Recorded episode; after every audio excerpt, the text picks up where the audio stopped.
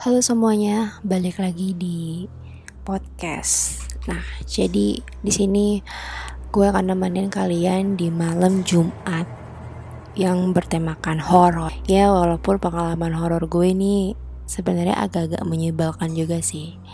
Nah, jadi buat kalian yang pengen dengerin cerita horor gue, bisa dong kalian follow dulu Spotify gue karena nanti di setiap malam Jumat gue akan cerita tentang horor. Nah, di sini gue akan cerita tentang perjalanan gue ketika lagi mau pergi uh, ke salah satu acara teman nikahan gue itu bertempat di daerah Serang. Nah dari Jakarta itu gue pergi uh, bareng sama suami gue naik motor ke Anyar. Hamin satu tuh kita pergi dari Jakarta uh, terus kita nginep di Anyar. Nah di salah satu hotel Anyar kita nginep lah di situ. Uh, singkat cerita kita udah sampai di sana dalam waktu 6 jam perjalanan posisi masih sore. Udah deh tuh langsung kita proses kayak check in check in gitu kan uh, enak nih awal-awal dapat welcome drink gitu kan. Tapi kok ya di lobby kok gelap gitu. Posisi tuh nggak mendung guys. Nggak mendung terang tapi memang lampunya itu nggak dinyalain sama mereka ya kan. Kayak remang-remang gitu deh. Kayak yaudah kita nikmati welcome drinknya sambil nunggu gitu kan proses check in akhirnya kita dapet lah tuh kamar. Oke di kamar sekian. Gue lupa itu lantai berapa kita diantar sama petugasnya naik lift oke? Okay? pas masuk ke lorong lift kok ya begini gitu. Terus juga masuklah ke dalam lift keluar dari lift lorong panjang gitu kan. Kayak keluar lift tuh cuman lorong udah jalan buntu kayak cuman ada satu belokan di kanan gitu kan. Oke kita belok kanan pas belok kanan itu di tembok tuh udah yang kayak usang. Tahu gak sih kalian kalau bangunan tua nggak kerawat itu kan kayak berlumut terus kayak nggak dicat itu loh kayak nggak kerawat gitu deh. Pokoknya lumutan dan usang banget. Wow padahal ini hotel mewah loh. Kok ya nggak di maintain. Terus akhirnya belok lah tuh ke kiri dari pintu keluar ke kanan terus ke kiri itu lorong panjang banget langsung kayak pintu-pintu kamar gitu. Dan pintu kamar sebelah kiri sebelah kanan tuh kayak yang langsung kalau kita lihat ke bawah itu langsung yang kayak lapangan tangkis gitu. Posisi hotel sepi ya sepi banget. Udah masuk uh, akhirnya uh, jadi dia tuh interior kayak uh, lucu gitu sih. Jadi di pintu masuk sebelahnya tuh ada pintu lagi. Nah gue nggak tahu itu pintu kecil apa entah emang buat uh, ngebersihin kamar mandi apa gimana. Pokoknya ada pintu kecil gitu dan semua kamar kayak gitu memang nge interior ya jenis desainnya gitu. Oke kita masuk nih. Kamarnya gede guys. Enak gitu kan. Ada uh, kayak dapur kayak model apartemen gitulah ada wastafelnya ada kayak mini kitchennya gitu. Lemari kasur gede tapi tetap interior kasur dan uh, lemarinya tuh yang kuno gitu. Kayu-kayu jati gitu ya kan? Terus di sebelah kasur kamar gue sebelah kanan itu ada kursi.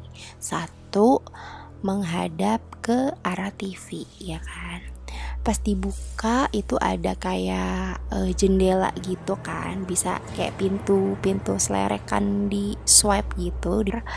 Uh, itu langsung ke balkon. Nah view balkonnya tuh langsung ke pool langsung ke pantai. Cakep cuy. Ya kan? Kayak oh ya udah masih sore gitu kan. Kayak oh ya langsung menikmati. Nyampe nyampe gue sholat ya kan? Sholat terus sore kayak yuk kita berenang berenang gitu kan. Yuk kita berenang berenang deh nih kita ya ya udah kita kayak ngejalanin aktivitas seperti biasa nggak ada yang gimana gimana cuma kan karena emang gue agak sensitif ya. Jadi pas entah kenapa masuk di lorong itu tuh kayak nggak enak banget gitu auranya. Terus udah kelar berenang nih. Uh, gue bilas dulu di kamar ya kan? Bilas di kamar udah selesai ganti baju. Uh, langsung deh tuh kita ke pantai foto-foto sambil nikmati sunset pas azan maghrib selesai baru kita naik ke atas. Di situ lah guys. Mulai deh tuh ya. Huh gue sampai sekarang masih yang agak-agak gimana gitu ceritain ini uh, jadi uh, pas masuk nih kayak kita so ide gitu kan berdua. Ah lewat sana jauh gitu. Karena emang lumayan gitu kan. Buat akses ke pantai ke lobby itu lumayan jauh. Terus eh kita lewat sini aja yuk kayaknya bisa deh gitu. Ya udah kita lewat situ lah. Ternyata itu nembus ke lapangan bulu tangkis yang tadi gue bilang. Nah itu tuh ada tangga gitu guys. Bukan lift. Kalau nggak salah kita di lantai tiga deh. Iya lantai tiga. Uh -uh karena emang naik tangga gitu kan kita nggak yang terlalu jauh. Jadi dari bawah situ dari lapangan bulu tangkis tuh ada tangga kecil uh, akses buat pengunjung juga sih. Nah herannya tuh ya nggak ada tamu cuy yang nginep di situ. Entah karena emang weekday apa gimana, gue gak ngerti lah ya. Oke kita naik nih tuh di situ. Ah sih sumpah sepi banget cuy. Naik ke tangga ya kan. Itu udah lewat azan maghrib posisi berarti udah lumayan gelap ya kan senja-senja gitu tuh lampu sih terang ya kan masuk lewatin tangga lewatin lorong. Nah pas di lorong kamar gue itu jalan itu udah mulai agak-agak merinding. Ditambah lagi tuh kampret ya ada tiba-tiba burung kayak kelawar gitu lah ya lewat slep kenceng banget dan gue langsung yang astagfirullahaladzim. Dan seketika gue langsung yang kayak hawa gue udah gak enak gitu kan. Wow gitu kan terus ya udah oke kita masuk ke kamar. Pas masuk ke kamar udah kita duduk sholat lagi gitu kan. Sholatnya lah gue jamaah sama suami gue. Itu posisi hordeng balkon udah ditutup ya kan? Udah ditutup TV menyala. Kita tidur tuh kiblatnya madep ke kasur. Nah jadi si lemari pakaian itu dia posisinya kayak nyerong gitu loh uh, penempatannya. Nyerong madep ke kasur ya, paham kan? Nah gue berdiri di pas banget di depan pintu lemari itu. Sholat nih. Pas sholat itu parah. Gue berasa banget di belakang gue tuh ada yang lagi berdiri. Berdiri coy. Ya bayangin. Lagi sholat. Tapi ya udah gue kayak berusaha untuk fokus untuk sholat fokus fokus fokus fokus. Dan lo tahu ketika gue lagi sholat itu lemari tiba-tiba kebuka sendiri. Kayak kebuka kecil gitu doang sih nggak yang gede gitu. Anjir ya kan? Oke masih selesai sholat udah selesai nih. Pas mau yang assalamualaikum gitu kan. Aduh.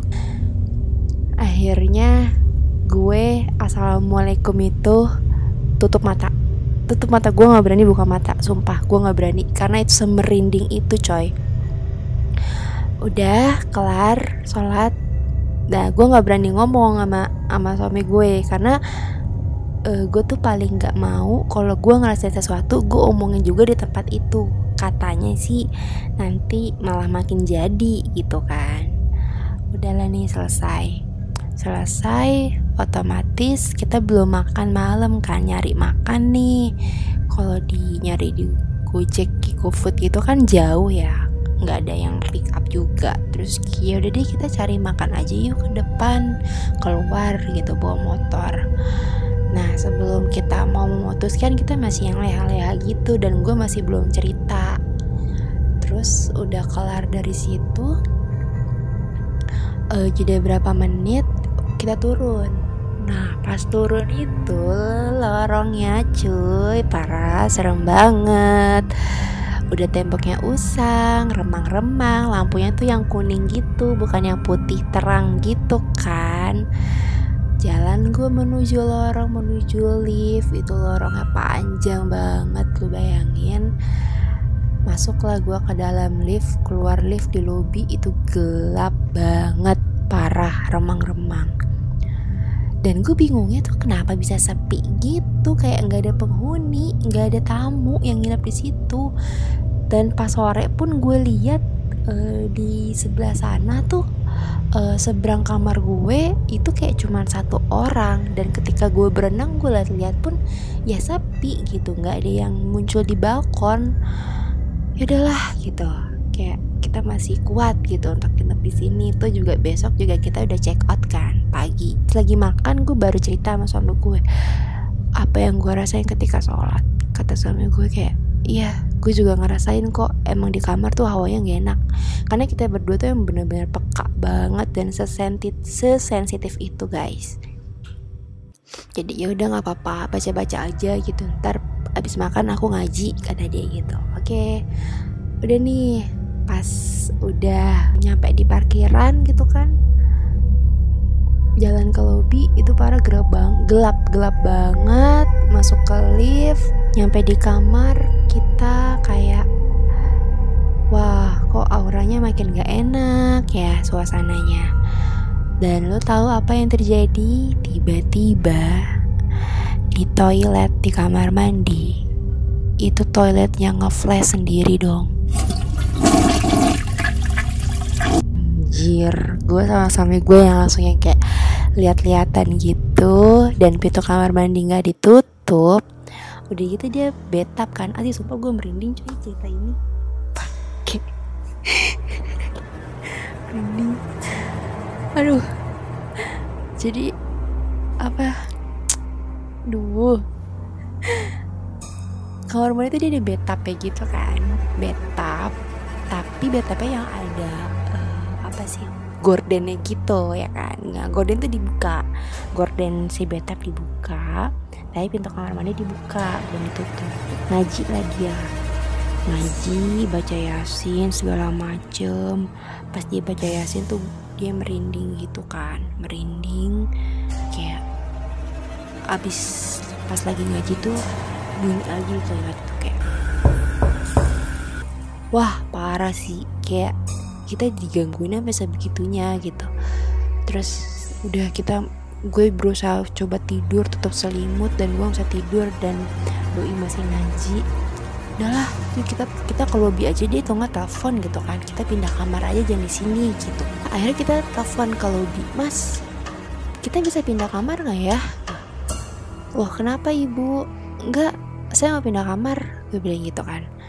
Soalnya di sini nggak enak banget gue bilang gitu uh, hawanya. Di sini sepi ya? Ada kamar lain gak sih mas? Gue bilang gitu kan. Di sini ada berapa orang yang nginep? Oh kita ada ada tamu lain juga kok bu yang nginep. Oh, lumayan rame. Dalam hati gue rame dari mana? Kalau rame kan pasti ada tanda-tanda kehidupan dong. Ini kayak bener-bener kayak nggak ada penghuni gitu kan. Yaudah saya minta pindah kamar. Bisa nggak? Bisa ibu. Ya udah kita siapin dulu ya kamarnya. Nanti kita bantu. Oke akhirnya gue memutuskan untuk pindah kamar gitu kan.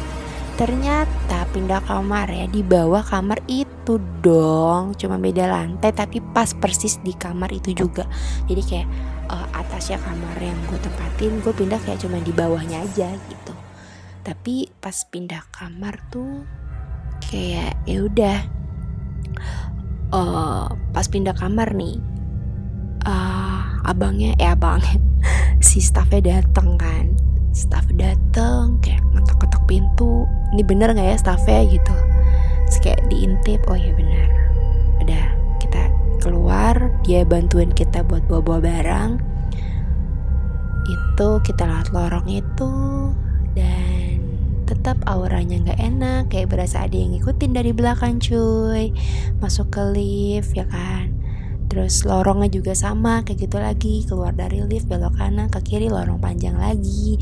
Dan temboknya pun usang banget berlumut ya kan? Masuk ke kamar dan sama juga mode toiletnya kayak gitu. Tapi emang ini bedanya kamarnya tuh kayak agak uh, lebih kecil dikit dibanding sama yang awal yang serem itu kan. Pas pindah kamar baru gitu ya si hawanya tuh nggak yang separah tadi tapi masih yang ya agak-agak merinding gitu. Nah udah kita berusaha untuk tidur karena posisi udah jam 10 malam dan itu gue pindah kamar jam setengah 10 malam lu bayangin ya kan? Udah tidur nih kata doi udah kamu tidur aja. Aku ngaji uh, tapi dia ngaji sambil di kasur gitu rebahan gitu kan sambil sender duduk gitu gue tidur. Eh uh, bangun-bangun gue nggak lihat handphone jam berapa. Gue pas lagi merem tuh berasa ada yang ngetok pintu kamar gitu. Anjir apaan tuh? Ya kan? Gue dengerin lagi.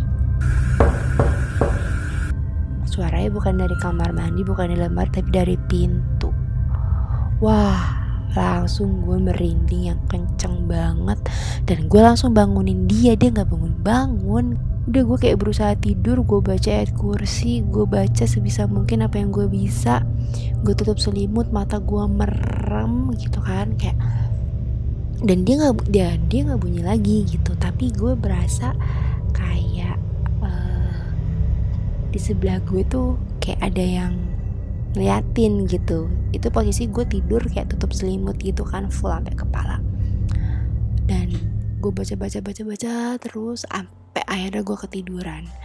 Dan pagi sudah datang kayak kita tuh sebenarnya acaranya siang kita tuh pagi jam 8 jam 9 tuh udah kabur tau gak sih dari hotel itu. Saking yang kita nggak mau lama-lama di situ kayak wah udah parah. Cukup gitu akhirnya ya sudah gue balik uh, ke acara teman gue. Udah balik ke Jakarta. Gue baru browsing di situ pas nyampe di Jakarta. Gue cari tuh di Google. Hotel bla bla bla bla lantai bla bla bla. Langsung muncul dong. Lo tahu apa yang terjadi? Ternyata di kamar itu ada yang bunuh diri coy bayangin dan itu bule ada dua orang yang bunuh diri di situ yang pertama, dia loncat dari atas balkon ke bawah. Balkon yang view-nya langsung ke pool sama pantai itu. Dan yang kedua, itu dia bunuh diri di kamar gantung diri. Parah kan? Padahal itu hotel mewah banget, bintang 5 gede banget tuh hotel ya. Hotel terkenal banget. Dulu tuh zaman gue SMP SMA karena gue ke sekolah di daerah Cilegon itu hotel mewah banget kayak yang nginap situ tuh kayak udah dicap gue orang kaya gitu. Tapi makanya gue bingung kok pas gue nginep ini murah banget di bawah sejuta cuy.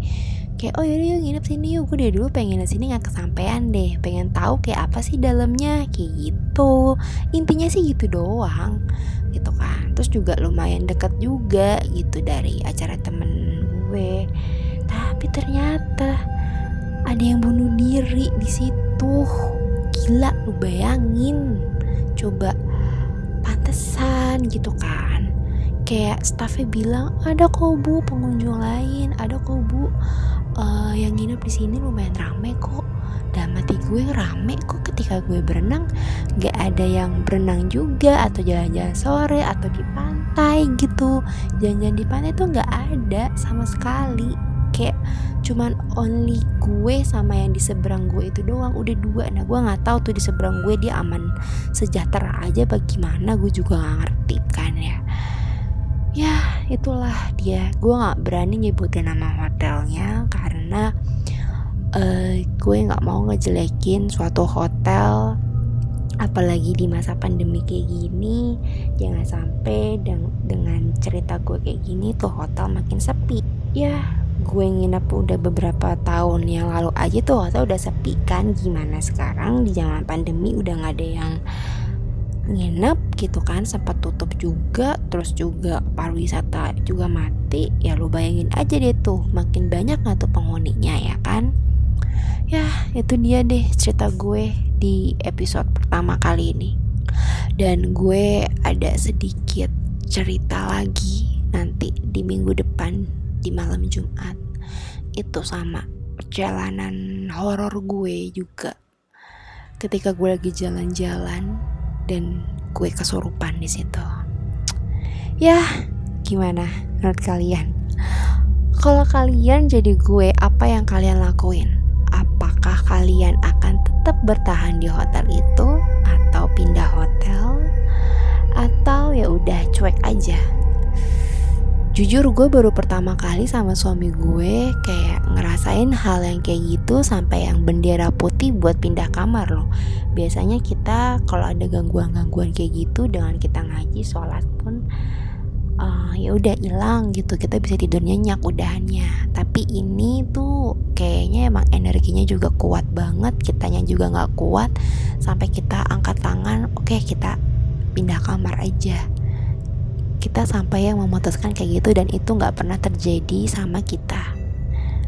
Lu bayangin berarti sehoror apa hotel itu? Coba dong kalian bisa uh, meluncur ke Instagram gue di Aryani inya 2 underscore Fitria. Kalian bisa DM ke gue. Kalau misalkan ada yang ne bisa nebak itu hotel apa kalian bisa DM dan cerita uh, ke, ke gue juga bisa kalian pernah nggak dapat pengalaman horor di hotel itu juga gue penasaran aja sih apa cuma gue doang atau kalian juga ngerasain oke deh mungkin cukup sekian cerita horor gue di malam Jumat ini. Thank you buat kalian yang udah ngedengerin podcast teras gue kali ini. Semoga kalian suka dan merinding ya kan. Jangan lupa ambil wudhu abis ini ya biar ketidur kalian nyenyak. Oke okay, guys, see you bye bye. Assalamualaikum warahmatullahi wabarakatuh.